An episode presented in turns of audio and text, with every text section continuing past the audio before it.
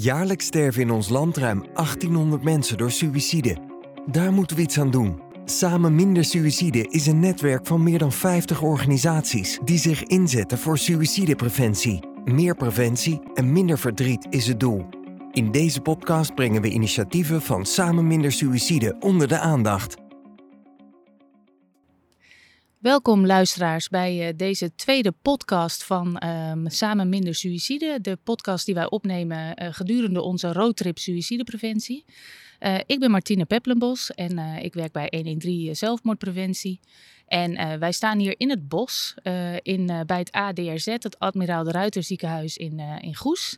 En tegenover mij staat Jessica Burger van Orionis Walcheren. Ja, goedemiddag. Goedemiddag Jessica. Misschien kun jij jezelf even voorstellen dat de kijker weet wie er tegenover mij staat. Ja, dat is goed. Ja, ik ben dus inderdaad Jessica Burger. Ik ben teammanager bij het team schuldhulpverlening van Orionus Walcheren. Orionus Walcheren is een gemeenschappelijke regeling en wij doen naast schuldhulpverlening ook een stukje sociale werkvoorziening en participatiewet. Dus de mensen in de ouderwetse bijstand. Oké. Ja. Nou, heel fijn dat je bij ons bent, want uh, nou ja, de, de rode draad door onze roadtrip uh, die we deze week door het hele land maken, is dat uh, de man van middelbare leeftijd um, nou ja, heel erg in de spotlight staat. Omdat meer dan de helft van het aantal suïcides wordt gepleegd door mannen van middelbare leeftijd. Mm -hmm. Um, ja, dus dan stellen wij ons de vraag van hoe, hoe bereiken we die mannen en wat zijn nou de risicofactoren die van invloed zijn op het ontstaan van suïcidale gedachten bij deze groep. Ja. En dan komen wij ook uit bij financiële problematiek als een hele belangrijke risicofactor. Ja, klopt. Zou je daar misschien, wat kom, je, kom jij in je werk tegen en zou je misschien daar wat over willen vertellen? Ja, tuurlijk. Ja, je ziet inderdaad ook in ons werk dat uh, die financiële problematiek heel veel stress met zich meebrengt. En die stress die doet ook alweer heel veel met het welbevinden van de mensen. En dat, dat uit zich in, uh, ook wel in gedrag, hè, dat mensen niet opkomen dagen bij een gesprek of stukken niet op tijd inleveren. Dat je denkt van hoe kan het nou? Dan zit je zo in de penarie.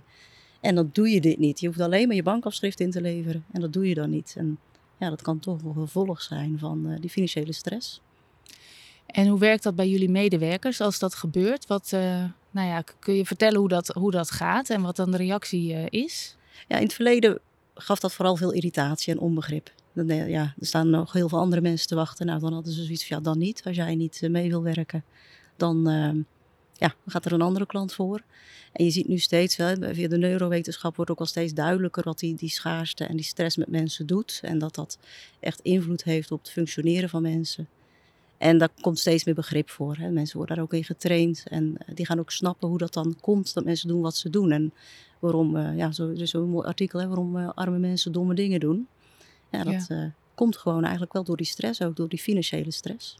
Oké. Okay zou je het kunnen, ja, een soort blikvernauwing kunnen noemen. We zeggen binnen suïcidepreventie hè, dat uh, als mensen in de wanhoop belanden, dat dat een enorme verkokering geeft ja. in het denken. Zie je bij dit soort problematiek dezelfde situatie ontstaan? Jazeker. Je ziet, ja, ik heb zelf een puberzoon thuis zitten en ehm, ja, dan zie je dat ook. Hè. En eigenlijk gaan mensen bijna functioneren als, als een puberbrein. Ze, ze, hebben een tunnelvisie, denken niet aan een lang, langere termijn. Als een kindje volgende week jarig is, dan gaan ze dure Nikes kopen terwijl de huur nog niet betaald is.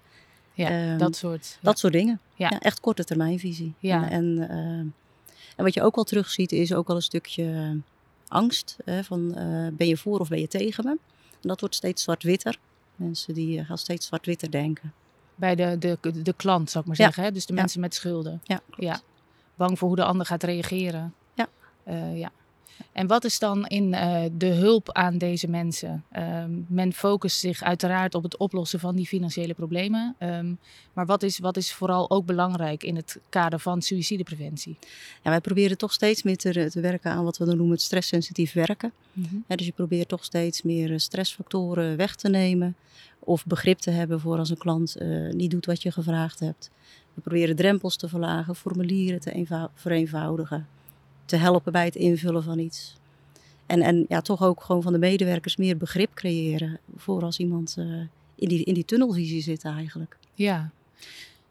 En daarnaast hè, kan, kan iemand natuurlijk ook nog verder door het ijs zakken en echt ook al in een depressie raken. Ja, dat is het stukje waar we eigenlijk ook uh, dat stukje suïcidiepreventie willen meenemen. Ja, en uh, jullie hebben de samenwerking is er tussen 113 en, uh, en Orionis Walcheren. Mm -hmm. Uh, kun je daar iets meer over zeggen? Want we hebben train, de trainerprogramma's om juist de mensen hè, die bij jullie op de werkvloer uh, zitten en nou ja, andere uh, bedrijven, organisaties die mensen met financiële problematiek helpen, juist om die, dat gesprek beter te kunnen voeren, is een trainingsprogramma ontwikkeld. Ja. zou je daar, want jij hebt aan dat trainingsprogramma meegedaan, klopt, klopt. dat? Ja, klopt. Ik zag dat langskomen. Ik denk, nou, dat, dat vind ik een geweldig initiatief dat dat bestaat. In het verleden hadden we wel gewoon trainingen van, uh, voor, voor. Maar goed, een training die koop je één keer in. Daar zet je een groepje mensen op. En dat was het dan eigenlijk. En wat ik het mooie van dit train, trainingsprogramma, wat ik daarvan mooi aan vind, is dat uh, ik heb nu die training gedaan. Ja, zolang als ik bij de organisatie werk, kan ik de mensen meenemen in dit proces. En ook herhalen en op maat dingen aanbieden die nodig zijn. Ja. Dat vind ik er heel mooi aan. Uh, wat ik er ook mooi aan vind, is dat de training zo uh, opgezet is dat uh, ik eigenlijk alleen maar het proces hoef te begeleiden. Dus de training is niet afhankelijk van mijn kennis. Hè, er zijn gewoon mensen die daar heel veel verstand van hebben. Die hebben goede kennisclips ingesproken. En ik, ja, ik, laat het, ik presenteer het proces en de training aan de groep deelnemers. Jij begeleidt het en neemt mensen aan de hand mee ja. door de dag. Ja, klopt. En wat kunnen mensen als ze die training gaan volgen, wat kunnen ze verwachten? Je noemde al trainingsmodules, of, hè, maar wat, hoe ziet het programma eruit? Ja. Nou, wat ik tot nu toe gedaan heb, is alleen de workshop. Die is wat korter dan de training. Mm -hmm. En met die workshop probeer ik eigenlijk vooral een stukje bewustwording. En dan aan de ene kant bewustwording van, goh, uh, hoe vaak komt het nou voor bij klanten die je tegenover je hebt? Maar ook, uh, ja, we, vaak hebben we toch zoiets van, ja, wij zijn daar niet van. Ik bedoel, schoenmaker blijft bij je leest. Uh, ik ben geen psychiatrisch expert. Dus wij moeten ons met die zaken niet bemoeien, is een beetje het, het gevoel. En ook al een stukje angst van, oh jee, als ik erover begin, dan uh, wek ik het misschien wel in de hand of heb ik het op me geweten. En dat probeer ik vooral te doorbreken. Dus dat ze gaan realiseren van ja, ook wij zijn ervan. Want wij werken nu eenmaal met een risicogroep. Precies. En dan vind ja. ik het je verantwoordelijkheid als professional. Ja, dat je daar ook iets mee doet als je dat vermoeden hebt. En dat je durft door te vragen en dat je ernaar vraagt. Ja, en dat is dan iets wat ze in die training echt uh, leren om die, dat doorvragen te doen en echt dat gesprek te voeren. Ja, ja we... Over de psychische wanhoop die financiële problematiek met zich mee kan brengen. Ja, ja we, we oefenen gewoon ook letterlijk om de vraag te stellen. En de vraag is wel heel spannend om te stellen. En Kun je misschien nog één keer voor de luisteraar eh, stellen? Welke vraag hebben wij het over? Kijk, dat kan iedereen op zijn eigen manier uh, formuleren. Maar de, ja, je moet vragen of iemand denkt aan zelfmoord. Ja. Echt belangrijk, hè? Om, ja. om echt in contact te komen met de ander en echt nou ja, die diepe wanhoop boven te krijgen. Om van daaruit, uh, als daar ruimte voor is, om van daaruit stappen te zetten richting uh, hulp. Ja, en, en je geeft, hè, je benoemt nu die wanhoop. Uh, de, de meeste mensen hebben dan van nature de neiging om over die wanhoop heen te stappen. Hè. Je hoort dat, oh help, iemand is dat van plan. We moeten nu gelijk redden. We gaan hele goed bedoelde adviezen geven. We gaan gelijk doorverwijzen. En wat je in die training leert, is dat je eerst even meegaat in die put. Even naast iemand gaat zitten. Van nou, wat ben je dan van plan? Hoe concreet zijn je plannen? Hoe wil je het gaan doen? En dan op het moment dat je aanhaakt bij iemand in die wanhoop, dan pas kan je hem ook uit die put mee omhoog trekken. Precies, en als we gelijk met ja. al die adviezen komen, ja, dat doet iedereen al natuurlijk. Ja, dat horen wij in deze roadtrip ook heel veel terug van mensen die we aanspreken en die uh, iemand kennen of zelf suïcidale gedachten hebben gehad. Dat de omgeving meteen zegt: Oh joh, maar morgen gaat de zon weer schijnen. Ga toch lekker sporten. Je hebt toch dit weekend een feestje. Hè, dus de positieve kanten van het leven benoemen. Met daarbij de opmerking: ja, dat is echt niet helpend in het in contact komen met daar waar ik eigenlijk behoefte aan heb. Nee, en tegelijkertijd is het zelfs bijna veroordelend. Ja. Hè, waardoor je eigenlijk uh, nog meer schaamtegevoel creëert en nog meer afstand creëert tot zorg. Ja.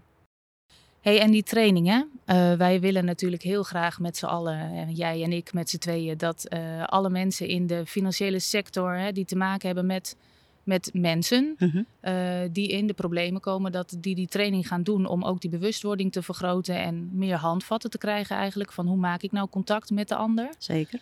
Um, wat zou je die mensen willen meegeven?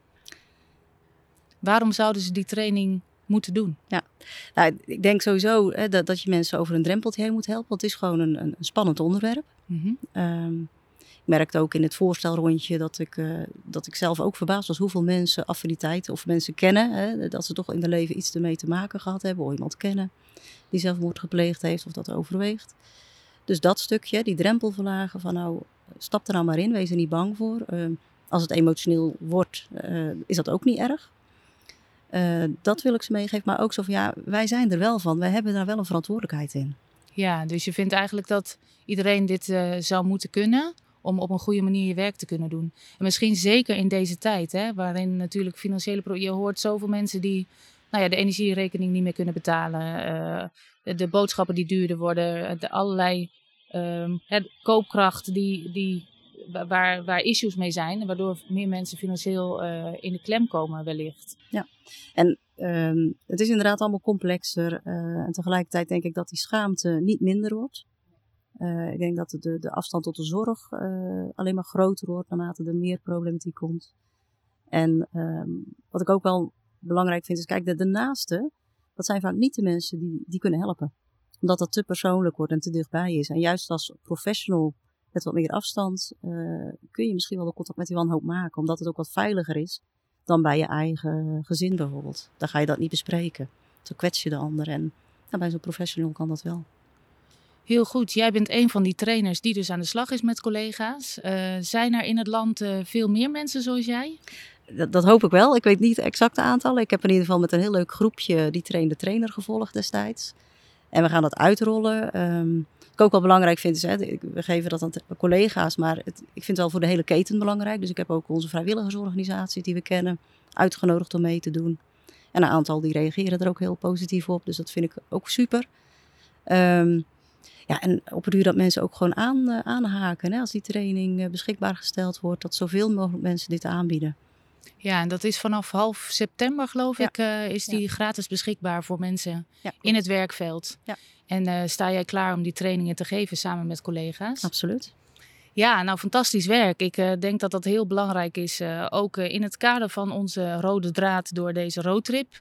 Hè, de man van middelbare leeftijd. Um, ja, ik vind het heel fijn dat je dat doet. En uh, ik hoop ook dat we nog lang zullen samenwerken. 113 en jij en anderen. Um, ja, dan denk ik dat dit uh, de tweede aflevering uh, van onze podcastserie was. Samen minder suïcide. Tweede aflevering in, tijdens de roadtrip suïcidepreventie deze week. Bedankt voor het luisteren. Bedankt Jessica voor je aanwezigheid. Graag gedaan. En nou, tot de volgende keer.